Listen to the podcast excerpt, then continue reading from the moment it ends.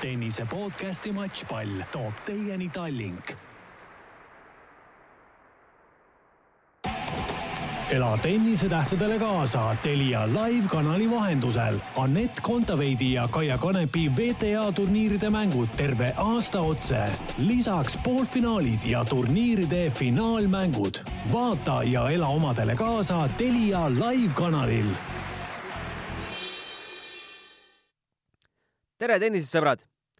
tennisekarussell pöörleb meeletu kiirusega ning kohe-kohe on läbi saamas aasta viimane Suure Slami turniir US Open.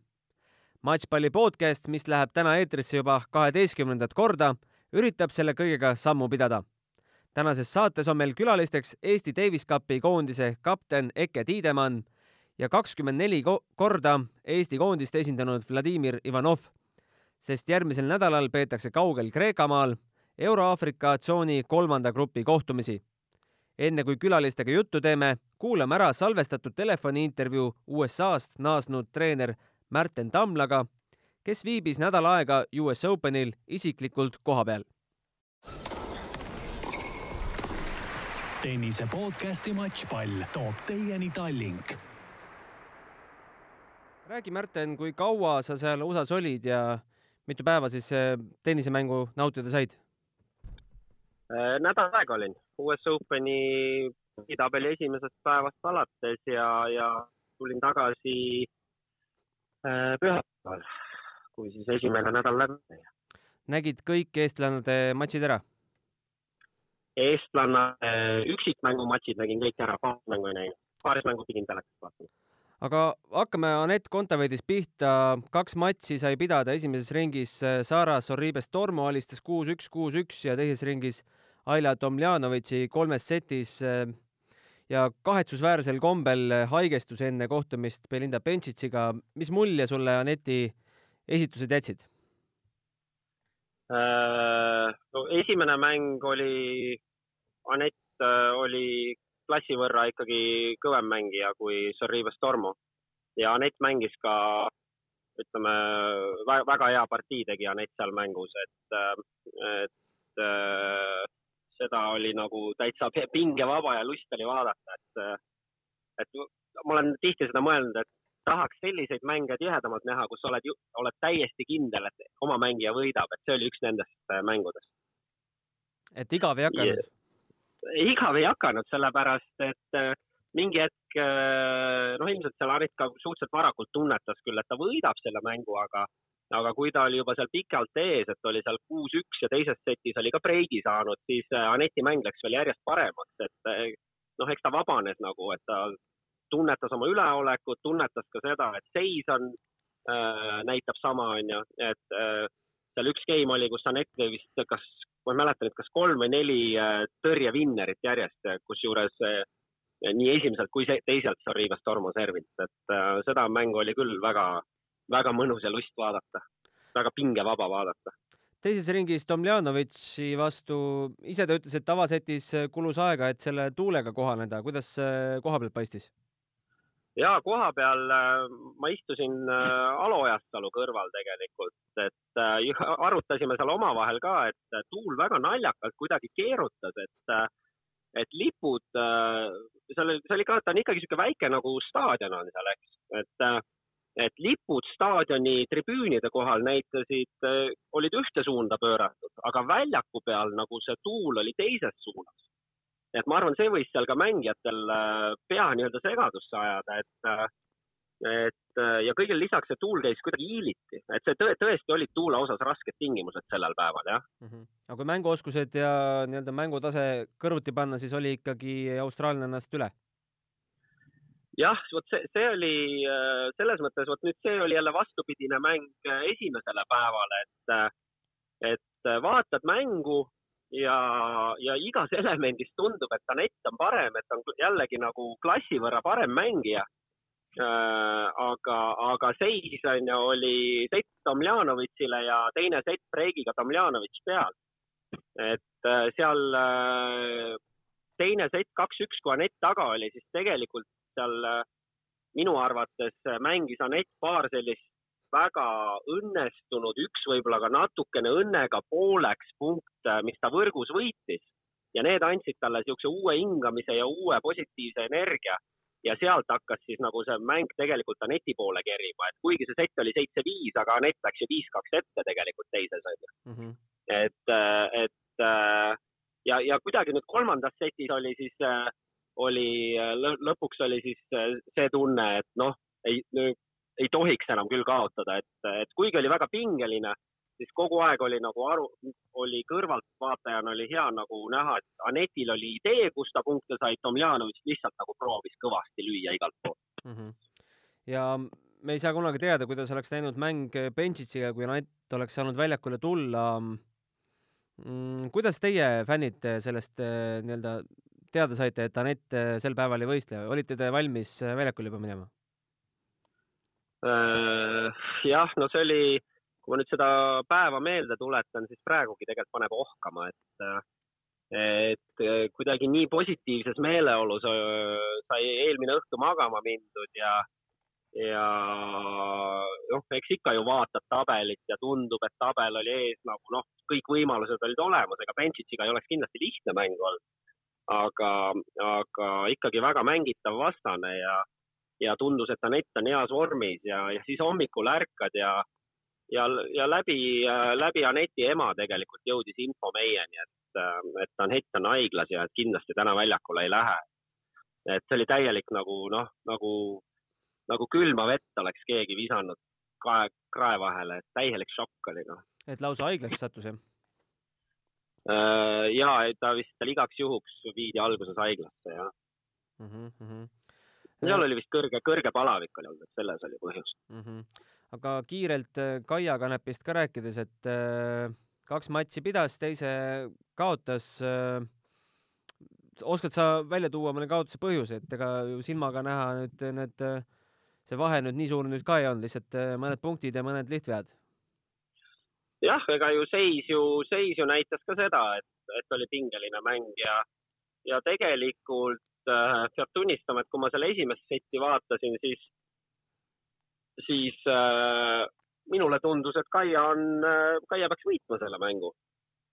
et äh, Kaia nagu tundus, et kontrollis seda mängu äh,. aga, aga siuksed tähtsad punktid tulid, ma ei, ei saa öelda, et tobedad vead, tulid natukene ebaõnnestunud löögid, viis senti siit out, kolm-neli senti teiselt poolt joont out ja oligi järsku game läinud äh, Vekicile ja oli hoopis Vekic äh, vist, kui ma õigesti mäletan, läks neli-kaks ette, onju.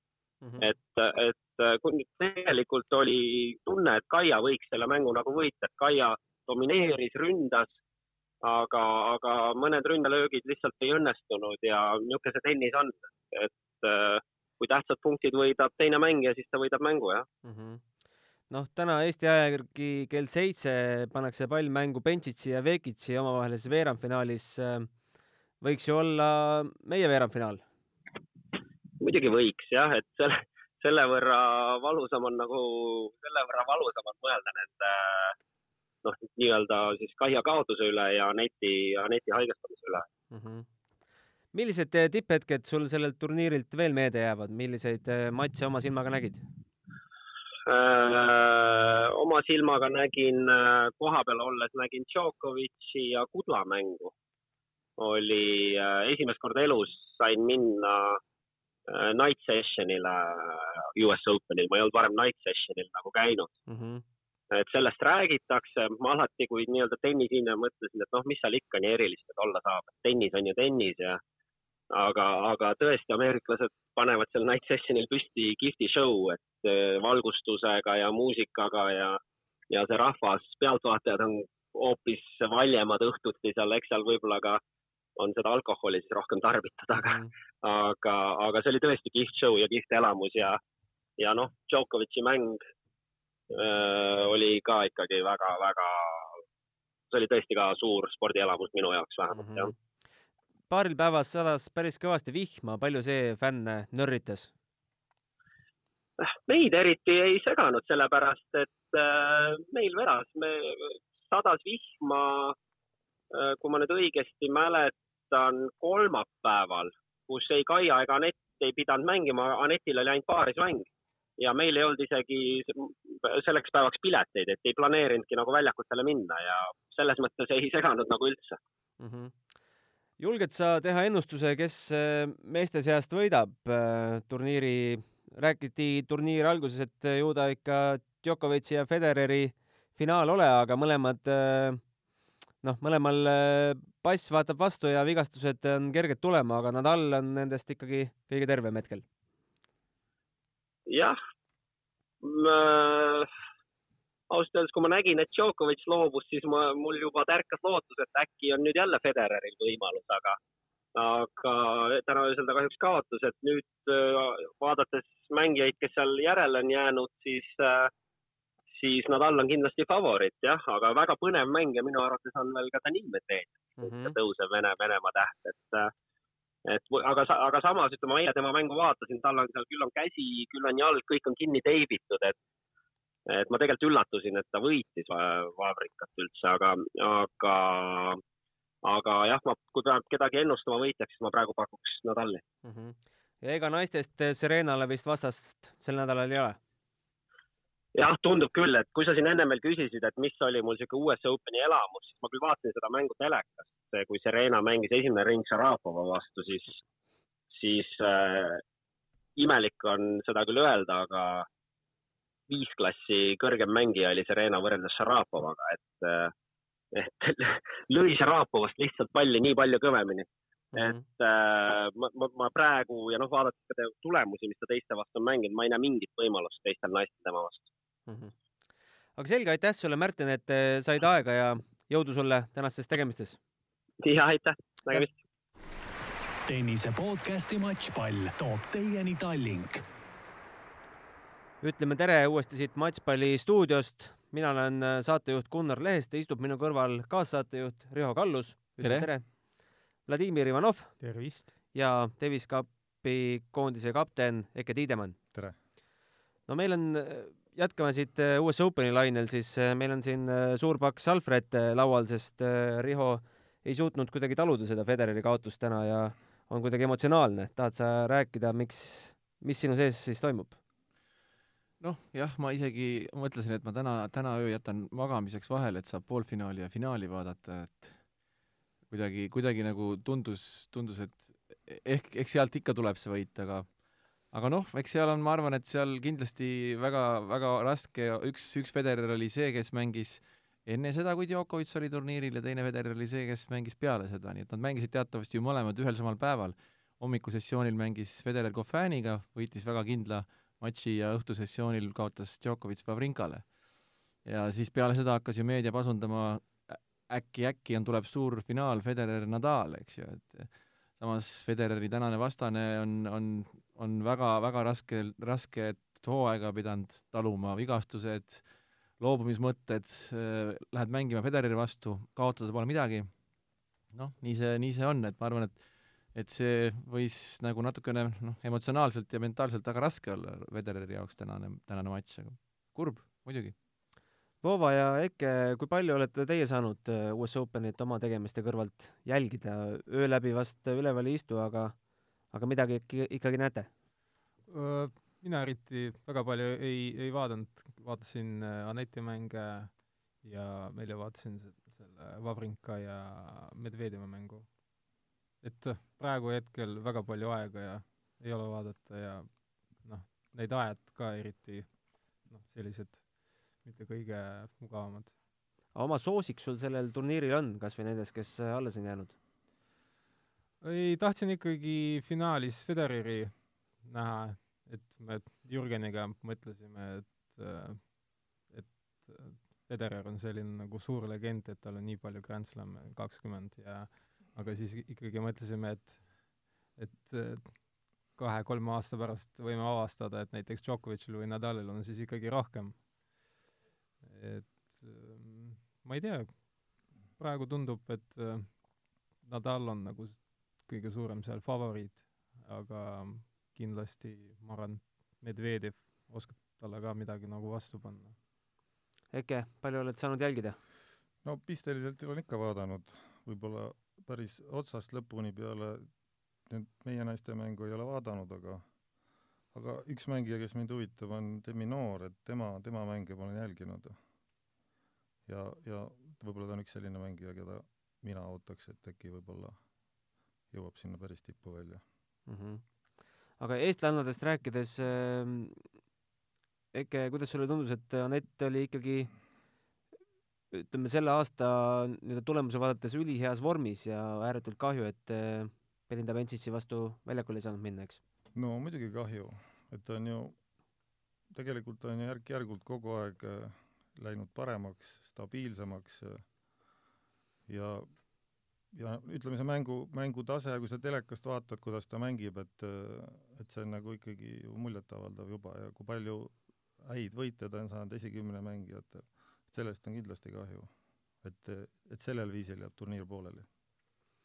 Riho, mäletad enda emotsiooni, kui teada said, et Anett peab haiguse tõttu loobuma? jah, noh, loomulikult see on, see on äärmiselt äärmiselt kul-, kurb ja, ja just, just nagu vaadates eelnevaid turniire, kuidas ta Ashley Bartiga mängis, mis oli nagu üli-ülinapp kaotus, et eh, see oli nagu super kihvt esitlus Aneti poolt, et loomulikult ma lootsin ja, ja tahtsin näha teda mängima, mängimas nii kaua kui võimalik, aga noh, jah, kurb. aga lähme nüüd põhjuse juurde, miks meil Eke ja Vladimir siin stuudios on järgmisel nädalal, üheteistkümnendast neljateistkümnenda septembrini Davis Cupi matšid Kreekas eh, meid ees ootavad. Eh, Vova, kas selleks turniiriks valmistumisel on kuidagi teistsugune närv, teistsugune energia sees kui tavaliseks ATP ITF-i turniiriks valmistudes? ei, kindlasti on. noh, Davis Cup, see on minu arust nagu ainuke selline võistlus, kus nagu sa mängid mitte nagu ainult enda eest, vaid tiimi eest ja riigi eest. ja nii palju, kui mina tean, nii palju, kui ma olen Jürgeni näiteks mänge näinud, siis ma ikkagi võin öelda, et kõige paremat tennist ta on näidanud Davis Cupidel tavaliselt. Ja ma arvan, et see on päris hea kogemus noortele. kahju, et seal praegu me oleme neid kolmandas liigas, mitte teises liigas. teises liigas oli noh, natuke mõnusamad need võistlused, kuna võistlejad mängite nagu ühe tiimi vastu ja te mängite kolm päeva, praegu vist isegi kaks päeva, aga ikkagi see on natuke teistsugune, siis kui teil on kaheksa tiimi seal kohal, siis noh, ei ole nii, ei ole nii hea mängida. et te mängite iga päev ühe riigi vastu, mängite kaks üksikut, ühe paari ja siis mängite niimoodi neli päeva järjest, noh, kui võrrelda teist ja kolmandat liigat, see on ikka natuke päris erinevad liigad ja teises liigas ikkagi parem mängida kui kolmandas. no aga räägime sellest äh, nii-öelda, kuidas sa nimetad, poliitikast või reeglite väänamisest, uuendusest, äh, miks me üldse kolmandas liigas oleme, tegelikult Eesti võitis eelmisel aastal Tuneesiat ja te teenis oma koha teises liigas. Eke, kui halb üllatus sulle oli, et eh, tuleb jätkata ikkagi kolmandas? no ikka oli halb, et siis, kui, kui mina konkreetselt kapteniks sain, siis me olimegi kolmandas liigas ja, ja meie niisugune pikem eesmärk oli ju ikkagi jõuda vähemalt esiliigasse. Aga kaks aastat küll jäime seal teises liigas pidama, edasi ei saanud. aga no see oleks ikkagi olnud nagu parem lähtekoht sealt edasi minna, et nüüd me peame uuesti sealt nii-öelda, nii-öelda põhjast alustama. ega Eestil, kui see reeglite uuendus nii-öelda välja hõigati, enam mingit sõnaõigust siin äh, karjuda ei ole, et meid äh, selles suures tennisemaailmas, äh, meiega nii suurelt ei arvestata, eks? Meiega ei, muidugi ei arvestata, et näiteks isegi, isegi Poolaga ei arvestata, kus on ikkagi, ikkagi gramm kõvemad mängijad. et minu teada Poolal oli kunagi Davis Cupi korraldamises, olid seal mingid puudujäägid ja siis ta sai sealt mingisugused trahvipunktid, tänu millele siis äh, nii-öelda miinuspunktid rankingus, et kus ta siis langes ka kolmandasse liigasse. Nemad tegid küll kõva kära ja isegi tahtsid vahepeal minu meelest boikoteerida, aga ei tulnud sellest ka midagi välja, nii et ega kes see seal Eestit siis olekski kuulanud. Jah, mäletan, et kevadel oli Poola meedias samuti kõva furoor üleval, et ebaõiglus sai võimule, aga küllap ka Kreeka ei ole oma kohta selles kolmandas liigas tegelikult väärt, aga rääkides äh, kõigepealt alustame koondisest, äh, valisid sinna sel korral Jürgen Soppi, Vladimir Ivanovi, Kennet Raismaa ja Kristjan Tamme. võib-olla lühidalt äh, selgita palun oma valikut, miks just need neli meest? no kõigepealt, et ega meil nüüd ju väga suurt valikut ei olegi, kelle hulgast valida ja ja võib-olla sinna ukse taha jäigi võib-olla üks-kaks mängijat Äh, võib-olla oleksin valinud äh, Kristjan Tamme asemel paarismängu mängiva Mattias Siimari, aga, aga tema selline mänguvorm ja seisund on praegu selline, et et äh, ei tulnud mõistlik teda sinna kaasa võtta. no sa oled ise olnud Siimarite treener ja oled ka praegu, kui nad Eestis on oma ülikooli õpingute kõrvalt, kas selle võrra oli Siimarit kuidagi raskem välja jätta, et sa ise oled nendega nii lähedalt seotud? no tegelikult ei ole, noh, et ju ma oleks ju võinud ikkagi valida, aga no ikkagi peaks, peab olema adekvaatne ja siis ütleme, koondisele kõige, kõige pari-, parem variant välja valida. kuidas hetkel, mis faasis te oma ettevalmistusega olete? Vova, tulid äh, stuudiosse trennist otse? jah, täpselt nii. et äh, kuidas sa teed Davis Cupi ettevalmistust, erineb see kuidagi sinu tavarutiinist? ei, midagi praegu erilist ei ole, et võib-olla igal mängijal on mingisuguseid erisoove, mida ta tahab eraldi harjutada trennis. Noh, näiteks mina tegin eile Ekega eraldi korve, tegime seal natuke liikumist ja äralööke, aga noh, aga siin praegu meil on väga palju aega ei ole jäänud juba, põhimõtteliselt täpselt nädala pärast peame juba mängima ja proovime mängida rohkem punkte, natuke paarismänge, sest ma usun, et paarismäng on praegu väga tähtis. et see paarismäng võibki tulla otsustavaks. Ja ega midagi nagu sellist erilist, erilist nagu ei tee. rohkem punkte mänge ja proovime igasuguseid neid paarismänge variatsioone mm. -hmm. Riho, räägi, minul oli üllatus, kui sa rääkisid mulle, et siin tegelikult aitab Eestile sparri teha üks äh, tuntud äh, Tšiili mängija, Hans Podlipnik Castillo. jaa, ei, ma lihtsalt juhuslikult sattusin täna Davis Cupi treeninguid pealt vaatama ja pidin just temaga korra kokku saama, siis ma, ta treenib siin poistega koos, aga ta on ju tuntud väga, väga hea paarismängija, et ma kujutan ette, et ta on koondisele kindlasti abiks, et äkki oskab paremini kommenteerida võib-olla. jaa, kindlasti, et eh, kuna alati on eh, parem trenni teha, kui on eh, paarisarv mängijaid ja kuna Kennet on praegu võistlustel ja teised on kolmekesi, siis oli nagu isegi natuke vedas ka, et täpselt sellel nädalal see Ants Podlipnik siin on ja, ja igal juhul oli väga, olen õnnega koos, et saime ta sinna praegult koos treenima mhm. terveks, terveks nädalaks. aga kogu tiimiga saate kokku alles siis millal, kui Kennet tagasi tuleb?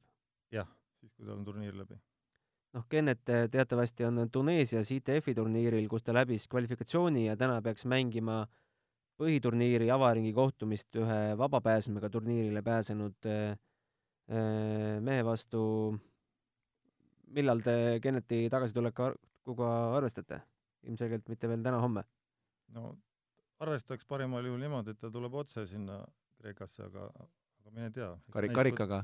jah, et paistab, kuidas see turniir tal läheb mm. -hmm kuidas nüüd see rutiin või need reeglid välja näevad, et millal te saate teada, mis grupis te üldse mängite, sest eh, va-, noh, variandid on Kreeka, Läti, Luksemburg, Monaco, Montenegro, Põhja-Makedoonia ja Poola. See, selle me saame teada, kolmapäeval hakkavad meil mängud ja kakskümmend neli tundi ennem on siis, ehk siis teisipäeval on eh, kaptenite koosolek ja, ja seal loositakse ka siis äh, alagrupid, mängime kahes alagrupis. on äh, eelistusi ka sul? no ega seal väga ei saa eelistada, et seal pannakse reitingu järgi tugevamad paika ja siis, kes sealt üle jääb, siis nendega mängime, et ega kindlasti Kreeka ja Poola ei panda ühte alagruppi, noh. et ühe neist kahest suurest meie saame? kindlasti. no edetabeli koha järgi Stefanos Tsitsipasega kohtumine tundub selline kõige magusam äh, Äh, ma ei tea, mõne, mõne jaoks võib-olla, et sooviks seda vältida, et äh, kas te ootate sellist atraktiivset vastasseisu või sellist, kus on võimalik edasi minna? no no ütleme niimoodi, et see kindlasti selle esimängijale, kes siis, no Jürgen on, on kindlasti suur noh, väljakutse mängida nii hea mängu, mängija vastu, et ta ju viimasel ajal, viimane aasta siis võib-olla väga palju sellise klassi mängijate vastu pole saanud mängida.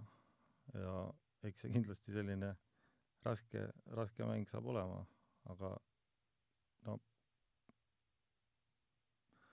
et kas seal nüüd võit või kaotus, no eks siis no võitu on väga keeruline sinna nüüd ennustada, aga mm, -hmm. aga no Davis Cupi sellised matšid on alati sellised ettearvamatud, aga ma ei tea, kas, kas nüüd see saab olema, aga aga ei, sealt kindlasti põnev. pigem nagu ikkagi tahaks sellise vastase vastu mängida. no ma Voova käest küsin, kuidas tema valmistub turniiriks, aga kuidas treener valmistub Davis Cupi matšideks? Oled sa juba praegult kodus arvuti ees, vaatad, kuidas vastased mängivad või või see ettevalmistus ootab alles vahetult enne mänge ees? no eks ma ikka kaardistan need mängijad ära, vaatan, kus nad on, mida nad on mänginud, vahest vaatan, kelle kohta on natuke Youtube'ist mõne hilisema mängu, ikka jälgin neid mänge ja siis üritan sealt mingeid, mingeid, midagi leida siis, mida, mida saaks ära kasutada. mida Stefanos Tsitsipa, Tsitsipasel ära saab kasutada? no seal nüüd keeruline jah, keeruline, et mida seal, et võib-olla siin viimases mängus läksid tal jalad krampi, et äkki lähevad siia Vova, neid vastaseid vaadates tekib sul mingi aukartus kas või Poola või Kreeka ees või, või nii ei tohi mõelda? no ma isegi ei tea, kes neist tugevam on, kas Kreeka või Poola, et minu arust on Poola isegi tugevam. noh, sest Kreeka, Kreeka vastu, kui vaadata, siis no, siis mingisugused nagu võimalus, minu arust nagu suuremad võimalused on Kreeka vastu. et ütleme nii, kui on Tsitsipas nagu suur, suurem favoriit, et noh, et kui ta näiteks võidab Jürgenit ja meie teine number alistab teist numbrit, siis on paarismäng juba noh, selline fifty-fifty, aga Poolal on natuke teer-, noh, nat-, natuke teistsugune koosseis, neil ikka kaks top saja hulgas mängijad ja neil on eraldi paarismängijad. et mulle tundub, et see on isegi kõvem tiim kui, kui Kreeka. no reeglitest veel rääkides, kas teile endale on selge, kuidas sellest grupist edasi pääsetakse? on ju loogiline, et äh, neljased äh, alagrupid, kaks pääseb edasi, aga seal vist on mingi reegli nii-öelda täiendus veel juures? täna just Rihoga ennem me lugesime neid reegleid ja, ja sealt nagu, nagu liiga täpselt sealt välja ei, ei loegi. et sealt peaks nagu saama neli mängijat edasi, aga kas saab alagrupist kaks, et seal ei ole nagu konkreetselt välja toodud. see on natukene selline ebaselge asi, ma loodan, et siis järgmise nädala alguses enne mängu, enne nii-öelda enne võistlust saab ikka teada. jah, seal oli veel ära mainitud alagrupi suurus, noh, kuigi alagrupi suurus tegelikult on ju nagu noh, teada. et seal on sellega hästi palju suurt segadust olnud aga no eks enne, enne, enne turniiri algust peaks ikka mingi otsus olema tehtud, et, et kuidas see saab olema mm. -hmm. Vova, kuidas mängija eelistab, kas äh, eelistad sina mängida Davis Cupi kodus või võõrsil? küsin sellepärast, et äh, Saara Orav, kellega me matšpalli saat-, telesaates tegime siin aasta alguses loo, ütles, et äh, kui neil oli nüüd äh, Fed Cup Poolas, siis äh, koondis oli kuidagi lähedasem sest äh, va-, mängude vahel ei käidud kodus, vaid oldi siis hotellis koos äh, pead kaelapidi, et äh, kuidas sina eelistad? no tegelikult, kui me mängime Eestis, siis tavaliselt me ka elame hotellis kõik koos. et me võtsime ka seda kasutusele soomlastelt, et soomlased ka siis, kui mängisid Davis Cupi kodus, siis nad kõik elasid hotellis ja liikusid koos ringi ja me proovisime ka seda mingi neli-viis aastat tagasi ja see minu arust nagu töötas väga hästi, et me kogu aeg nagu koos oleme, koos, koos käime hommikusöögil, koos läheme trenni, et äh, aga noh, eks need, seal on omad plussid mäng, kodus mäng, kui, kui mängid kodus, et äh, võib-olla, võib-olla kodupublik on natuke aitab, samas võib-olla mõne jaoks on natuke keerulisem, kuna sa tunned seda pinget, et äh, et ootused on suured. Ja võib-olla mõni, mõnele on lihtsam mängida välismaal, siis sul nii suurt nagu pinget ei ole. aga mulle alati meeldib äh, kodus mängida. et äh, seda väga tihti viimasel ajal ei, ei juhtunud ja see on hea, kui me saame nagu palju, palju rahvast ja seda pumbet tunda, see on ikka päris kihvt tunne. Kuidas sul endal on, kipuvad ka mängud äh, paremini välja tulema Davis Cupil kui tavaturniiril või äh, sealt seda vahet ei erista? Kindlasti tunnen rohkem pinget mängu alguses, noh, kui mängin, mängime, mängin Davis Cupil, siis alguses on natuke suurem pinge, aga tavaliselt see läheb päris kiiresti, kiiresti üle. aga Davis Cup on ka minu jaoks nagu olnud selline nagu, nagu eraldi kogu aeg nagu seisis selline võistlus, et äh, see on natuke teistsugune võistlus, vaata see, et sa ei mõtle selle peale, et äh, noh, kui sa võidad, sa pead homme veel mängima, sul on kindlasti kindel üks mäng, sa tead, et nagu lähed väljakule, sa pead seda vastast ära võitma. et äh, mul võib-olla isegi ei teki sellist pinget, et äh, ma mängin nagu riigi eest, sa mängid ikkagi nagu oma mängu, sa mõtled nagu, et sa pead vastast võitma. mul ei ole seda pinget, et, et minult oodatakse nagu noh, suured ootused. aga kuidas see psühholoogiliselt mõjutab, et äh, tavaturniiril äh, kui sa kaotad, sa tead, et sa pead õhtul kohvrid pakkima ja koju minema, aga Davis Cupil äh, mingi puhver selles mõttes on, et sa tead, et on veel paaris mäng ees ja homme on mäng ja ülehomme on mäng, et kuidas see, kuidas see mängijat mõjutab? Ah, ma arvan, et äh, no eks kõik saavad aru, et äh, kui sa lähed väljakule, seal on kaks varianti, kas sa võidad või kaotad ja sa pead olema valmis võitma kui ka kaotama. et kõigil on kõigil võib juhtuda niimoodi, et sa kaotad kellele, keda sa pead näiteks võitma, aga selleks ongi Davis Cupil viis mängu, et kui ühel läheb halvasti, siis teisel võib hästi minna ja see üks kaotus see veel ei garanteeri, et te nagu kaotate selle terve kohtumise. Davis Cup on veel sellepärast eriline, et seal on treener kaasas, kelle nõu saab kasutada mängude ajal ja vahel ja peale mängu, et äh, on see oluline sinu jaoks, et äh, kapten saab nii palju sekkuda, nagu, nagu ta saab? ma arvan ikka, sellest on nagu kasu, et vahest nagu ise mängid ja midagi ise ei näe, näiteks kui vastane liigub hästi tagajoonelt kaugel, siis noh, treener näeb seda paremini, et alati külje pealt äh, näed paremini, kui ise oled väljaku peal ja mõnikord aitab võib-olla ühest lausest, et seda mängu nagu teistpidi nagu keerata või oma kasuks pöörata mm. -hmm. Eke, sinule ka kindlasti treenerina, kui sa selle väljakutse vastu võtsid kaks tuhat kuusteist, äh, uus kogemus äh, Davis Cupil äh,, juhendada vahetult mängijaid äh, nii-öelda punktide vahel ka, game'ide vahel ka, et äh, on see treenerina ka kuidagi teistmoodi?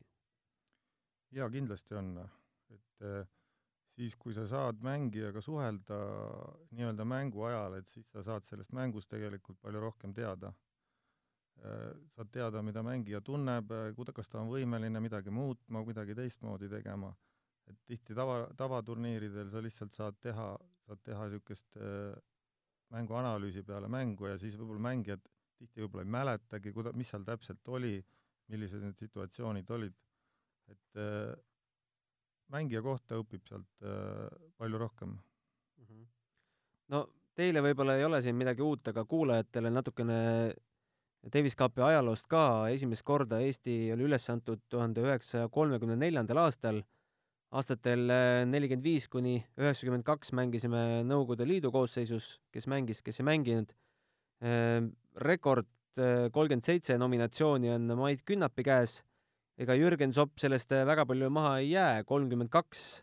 Ivanov, äh, kui mu andmed äh, tõele vastavad, siis peaks sul olema kakskümmend neli. ise. mina ei oska öelda mm, -hmm. mina, mina ei loe neid numbreid. Kennet Raismaal üheksa, tuleb siis kümnes ja Kristjan Tamm eelmisel aastal esimest korda sai nominatsiooni. Voova, millised mälestused sul Davis Cupist on, on sul mõni eredamalt meeles sealt varasemast või millise, milline on selline tipphetk? Kindlasti ma mäletan oma esimest Davis Cupi mängu siis, kui me, me mängisime Bosnias Armeenia vastu ja ma mängisin ühe armeenlasega, võib-olla keegi mäletab sellist mängijat nagu Sarkis Sarkisjan. minu arust oli kõige kõrgem koht äkki viiskümmend, midagi sellist, ja ta on mänginud US Openil kolmandas ringis ja mm, tänu sellele võidule me, lõpuks me saimegi edasi, mitte sellele võidule, vaid äh, me võitsime alguses Armeeniat, siis äh, võitsime Türgit ja võitsime Leedut ja saime ka kolmandast liigast teise liigasse. ja oli huvitav see, et äh, siis, kui me mängisime Davis Cupi, kellelgi ei olnud ATP punkte. et me mängisime mina, Jürgen Sopp, Jaak Põldmaa ja Mikk Irdaja. et see oli selline üks magusamaid võite üldse Davis Cupil ja kindlasti mäletan, üks väga hea kohtumine oli Iirimaa vastu, siis kui Jürgen oli vigastatud ja tema ei saanud mängida ja mina pidin mängima esi, esinumbrid ja me kaotasime napilt äh, Iirimaale kolm-kaks. et äh, mina võitsin mõlemad üksikmängud, päris äh, head vastased olid. ja, ja paaris mängus olime kaks seti taga ja siis jõudsime viiendasse seti ja meil oli kasutada kaks matšpalli, mida me kahjuks ei saanud. ja ma arvan, see oligi väga tähtis mäng ja pärast me seal teises mängus kaotasime Bulgaariale ja kukkusime uuesti kolmandasse liigasse. no Jürgeniga sa värskelt mängisid äh, alles mõned nädalad tagasi Ukrainas esimeses ringis äh,. Äh, kaotasid küll kuus-seitse, üks-kuus äh,. kui nüüd natukene intriigi üles proovida puhuda, kas see oli äh, matš äh, Davis Cupi koondise esinumbri koha peale? ei, päris nii ei olnud. ma arvan, et äh, Jürgeni tase on kõrgem kui minu, isegi kui, kui mina näiteks oleks ta võitnud, ma arvan ikkagi, et tema tase on ikkagi parem. aga noh, ma arvan, et mina või, võin Jürgenit võita, aga sellepärast, et me oleme, me teame üksteist nii palju ja me võib-olla ei suuda üksteise vastu nagu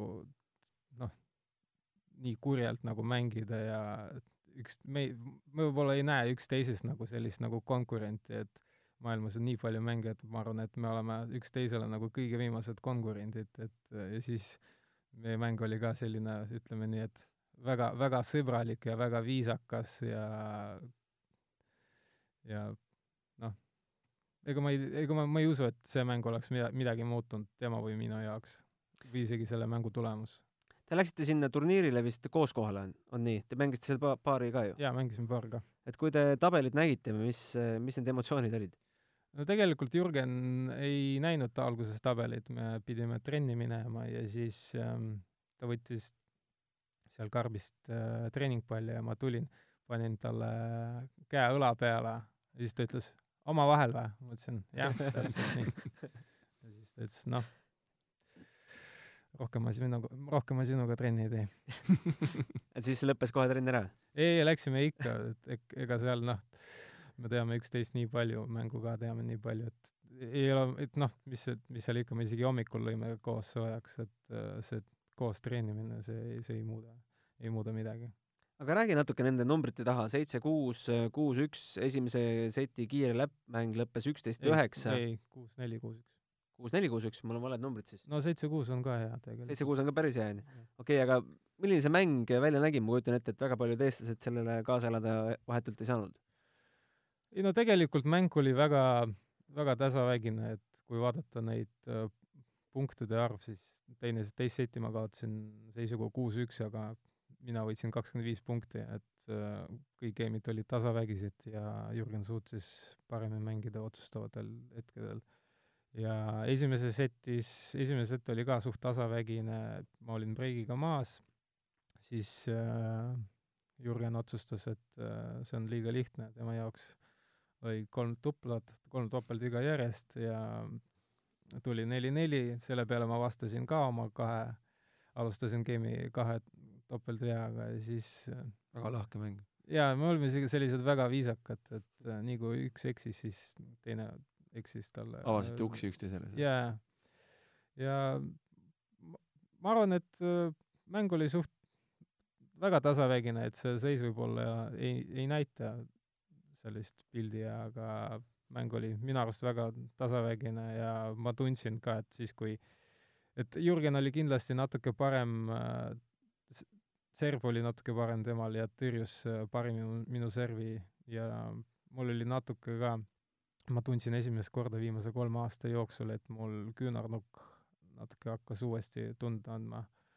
Ja ja äkki, et see on äkki noogutab praegu? jaa, et ta võib-olla arvab, arvab, et see on vabandus, aga ei, tegelikult Ei ei olnud, ma lihtsalt natuke tundsin tõesti, et äh, see võib-olla ei, ei seganud otseselt nagu ma sain nagu saja protsendiga mängida, aga kogu aeg noh, ma tundsin, et väike selline hirm oli. aga no mäng lõppes ära, surusite kätt, läksite riietusruumi ja rääkisite mängust edasi või?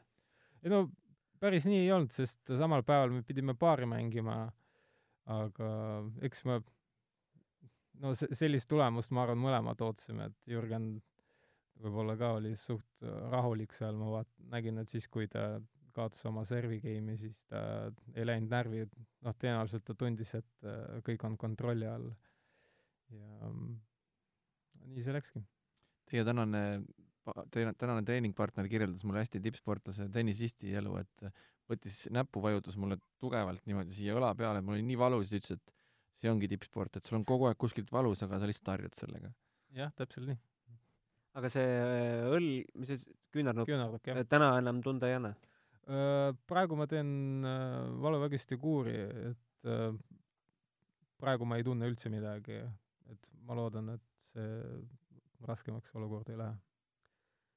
Eke Voova ütles välja, et esinumber on meil Jürgen Sopp, aga kuidas sa teise, kolmanda, neljanda omavahel ära jagad?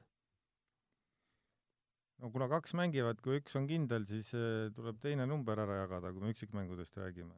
ja eks ta ongi alati olnud keeruline, sellepärast et ei ole, keegi ei ole kellestki ilmselgelt parem, et aga tavaliselt me oleme selle eelmisel õhtul otsustanud, või mina, tähendab, olen siis otsustanud eelmisel õhtul ära, et, et kes seal mängib. eks ta selline natuke võib-olla tulemuste pealt, natuke kuidas trennis on, kes kuidas tunneb, kes, kes kui kasvab päris terve ja, ja no natuke kõhutunde pealt ka. Selle järgi vaata, et kes on parem paarismängija, jääb siis nii-öelda kolmandaks-neljandaks. no meil on olnud niimoodi, aga praegu see oleneb kõigist o- vastasest.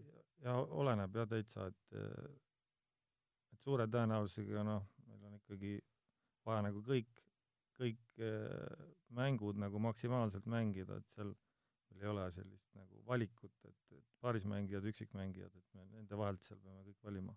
Mm -hmm. näed sa seda ka, kuidas need kolmas ja neljas istuvad niimoodi longus peaga pingi peal, kui on otsus tehtud või? aga tegelikult nad ei istu kunagi longus peaga, eks nad saavad aru ja, ja ega seal nüüd keegi ainult pingi peal istunud ka ei ole. võib-olla vastupidi, õnnelikud, et ei pea mängima täna. jah, võib ka olla jah. et suur, suur vabanemine on võib-olla mõnel, et ei peagi minema. mm. -hmm.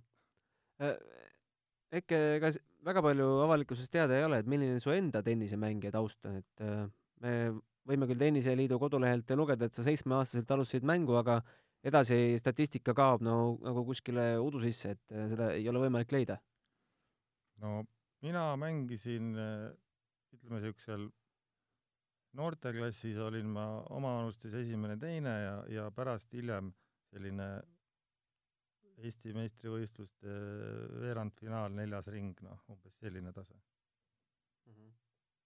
paaris mängus oli natuke parem, aga aga jah, üksikmängust, no näiteks veerandfinaalist Eesti meistrivõistlustel ma kaugemale pole jõudnud. Mm -hmm. siin Davis Cupi koondise uksele ei koputanud? kusjuures ma isegi olen äh, mäletamist viisi vähemalt ühes laagris käinud, Haapsalus kunagi. Harri Nepi oli kapten, kes siis tiimis olid? Ma arvan, Künnap ja Vahkal ja selline ka, ja Luškin ja et seal ma, minu meelest oli Eek veel siis ka ja ja siis ma käisin seal äkki, olingi, tegime trenni, ma olin nagu seal nii-öelda paarismängus parr. ahah, et väike lootus oli?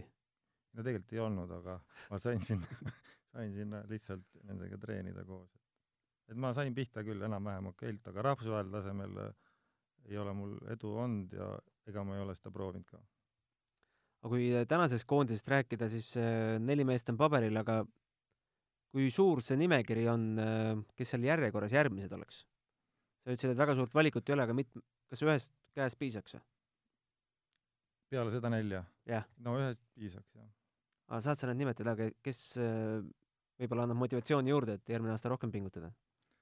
no, no Mattias Siimar, Christopher Siimar, Siim Troost, Danil Klinka ja Robin-Erik Parts ja Riho Kallus alati proovib sinna, Mhm. käib ka alati küsimas, aga aga kogu aeg saab eitava vastuse. no üritame edasi, ma alla ei anna. vanus vast hakkab siin, siin juba mõjutama? no ei ole midagi hullu. ma olen ikkagi kahekordne Eesti karikavõitja, et ikkagi loodan edasi mm. -hmm. Vova, mis, mis turniirid sind pärast äh, Davis Cupi ees ootavad, mis sel aastal veel plaanis on? no täpselt veel kalendrid, kalendrid ei ole veel paika pandud, sest äh, et tõ- kindlasti mängin äh, Pärnus rahvusvahe-, rahvusvahelist turniiri ja teen-, tõenäoliselt peale Davis Cupi lähen äh, kahele turniirile Rootsi, kahekümne viie tuhandesed. oled sa, ma vist pärast Eesti meistrivõistluste finaali ka küsisin sult, et mis sul selle aasta eesmärk on, siis sa veel ei osanud öelda, mis siin lähitulevikus saab, aga oled sa mõelnud, et äh, kuidas see aasta peaks lõppema, et see aasta lõpuks saaks öelda, et jah, see aasta läks korda? no ütleme nii, et see on päris keeruline selline vastus, et äh, iga aasta ma alustan noh, maksimaalselt teen trenni, nagu proovin nagu maksimaalselt professionaalne olla, aga see aasta võib-olla ei olnud nii edukas, kuigi ma ei saa öelda, et ma, et minu mängutase on nii kõvasti langenud, et äh, mina ei suuda kuskil mingit turniiri ära võita. aga eks vaatame, et äh, see tennisevorm on, ütleme nii, päris, päris huvitav asi, et äh, ta võib ühel hetkel nagu ära kaotada täiesti ja samas ka võib, võib ühel hetkel nagu tagasi tulla.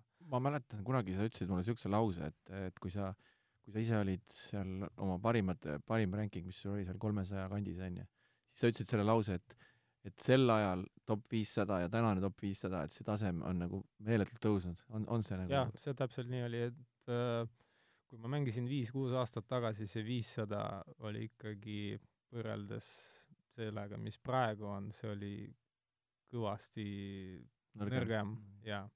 et praegu on hästi palju noored, kes hakanud paremini mängima ja sa tuled isegi noh, kõige väiksemale turniirile sa näed, et hästi palju mängijad reisivad juba treeneritega juba seal, tavaliselt oli niimoodi, et sa lähed kuhugile Soome või ma ei tea, Kasahstani, seal üliraske oli kedagi leida, ke-, kellel oli oma treener kaasas. ja siis praegu ikkagi vaatad, et ähm, konkurents on ikkagi suuremaks läinud. jah, ma mäletan aastat kümme tagasi, kui ma korraldasin Futures turniire Eestis, olid Saaremaa Openide turniirid, et siis oli äh, ikka päris palju, tihti juhtus seda, et treenerid mängisid turniiriga kaasa, et äh, täna niisugust asja ei näe enam. jah, et äh, isegi minu arust Saaremaal oli ükskord niimoodi, et äh, et äh, meil ei olnud kellelgi seda valgkaarti anda ja Rauno Kull pidi põhitabelis mängima, kui keegi teab sellist mm -hmm. mängijat, et ta on pigem tennisetreener hetkel. Aga nüüd, kui augusti keskpaigas edetabelisüsteem uuesti muutus, et ITF-i turniiridel on võimalik ATP edetabeli punkte korjata, kas kas sa tajud, et juba on ITF-i turniirid selle võrra tugevamaks muutunud? Nad on juba muutunud tugevamaks juba aasta alguses, kuna seal oli hästi palju muudatusi, esiteks nad tegid kvalifikatsiooni, need kvalif-, kvalifikatsioonitabelid olid kahekümne nelja, kahekümne neljased, et enam suuremat nagu ei tohtinud teha, sest kunagi olid neid kuuekümne neljased või saja kahekümne kaheksased ja hästi palju mängijaid ei saanud üldse kuhugile turniirile peale.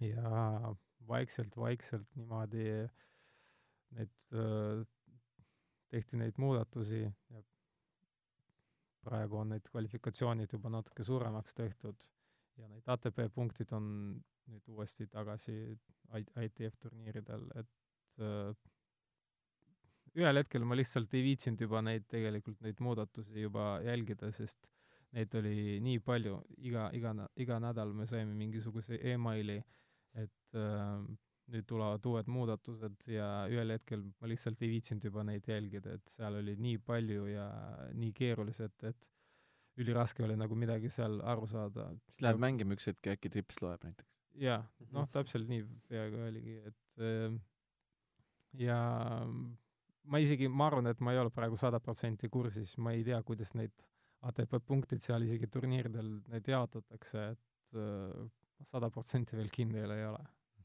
kui ma õigesti mäletan, siis ühel Tenniseliidu pressikonverentsil, kas see oli eelmise aasta lõpus või selle aasta alguses, sa ütlesid, et äh, sa ei välista, et võid sel aastal rohkem keskenduda paarismängule.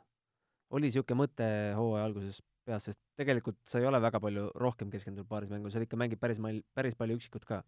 ei, jaa, kindlasti ma olen mõelnud selle peale, kuna eelmisel aastal ma võitsin äh, kolm rahvusvahelist turniiri, siis ma mõtlesin, et äh, äkki paarismäng hakkab äh, mul paremini välja tulema aga jällegi tänu nende muudatustele ma ei saanud üldse aasta alguses neid turniire mängida, sest ma lihtsalt ei saanud peale.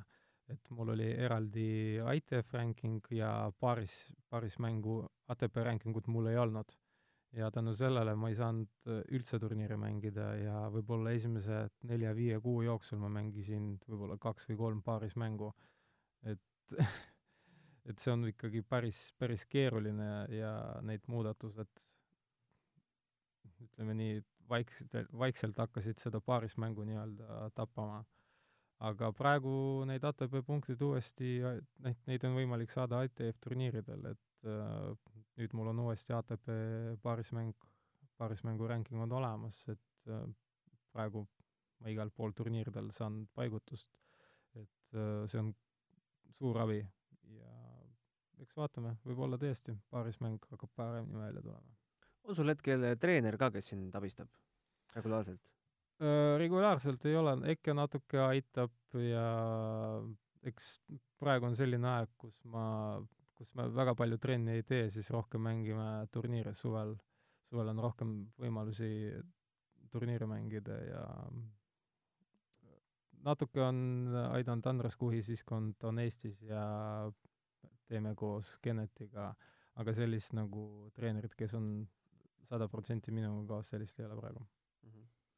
Eke, kui suur tagasilöök see Eesti meeste tennisele oleks, kui Jürgen ja Vova siin paari-kolme aasta pärast äh, reketid nurka paneks? no ma usun, et nad ei pane veel nii kiiresti nurka neid reketeid. ja ega siis kindlasti ühesõnaga, see tagasilöök oleneb nüüd sellest, et kuidas need noored mängijad peale tulevad, et et ju seda me ei oska ennustada, et tahaks küll, et, et Kristjan Tamm ja, ja Kennet Raismaa ja teised seal nüüd teeksid ikkagi sellise vähe korralikuma tõusu. kuidas sa nende arengut hetkel hindad?